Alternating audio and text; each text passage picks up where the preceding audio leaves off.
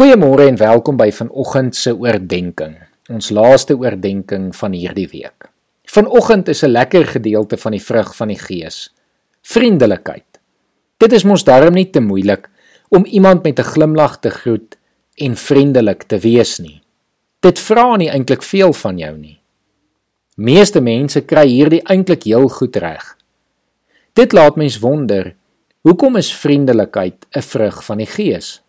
Gaan dit regtig net oor 'n glimlag wanneer ons verby ander beweeg of gaan dit dalk oor meer? Vriendelikheid as vrug van die Gees gaan nie eintlik oor 'n algemene hoflikheid teenoor ander nie. Dit is nie iets wat ons doen omdat die samelewing dit verwag of omdat jy iets daaruit kan kry of omdat dit goeie maniere is nie.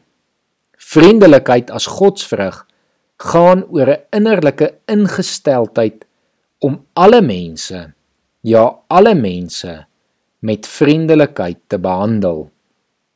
Nie net 'n vriendelike beleefdheid nie, maar 'n opregte vriendelikheid. Hierdie kan net gebeur as jy met God se liefde teenoor ander mense optree. Om vriendelik te wees, want jy weet God is lief vir die mens met wie jy nou praat. Vriendelikheid in sy opregste en getrouste vorm straal iets van God se liefde aan hierdie wêreld uit.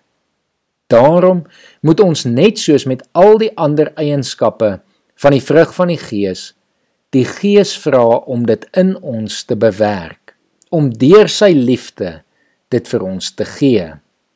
Dit is uiteindelik nie van onsself afhanklik nie, maar van die Heilige Gees.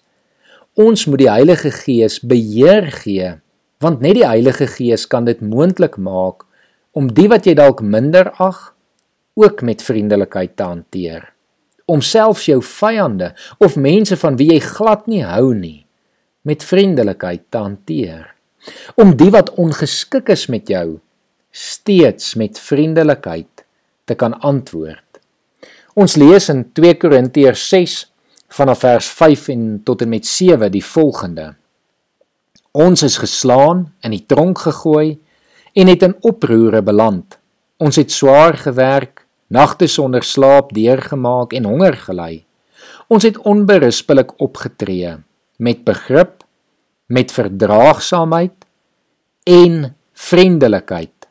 Dit alles het ons gedoen deur die Heilige Gees, deur opregte liefde deur die woord van die waarheid en deur die krag van God. Ons wapen vir aanval en verdediging is om die wil van God te doen. Dit is net deur die Heilige Gees se werk dat iemand geslaan in die tronk gegooi, honger en sonder slaap steeds met vriendelikheid kan optree.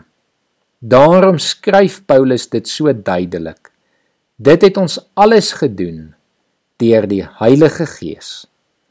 Mag die Heilige Gees jou vandag seën met vriendelikheid teenoor alle mense en in alle omstandighede. Kom ons bid saam. Here, dankie dat ons vandag uit kan gaan en vriendelik kan gaan wees. Vriendelik met alle mense omdat U dit in ons binneste bewerkstellig. Here mag U vandag 'n glimlag op elke gelowige se gesig plaas.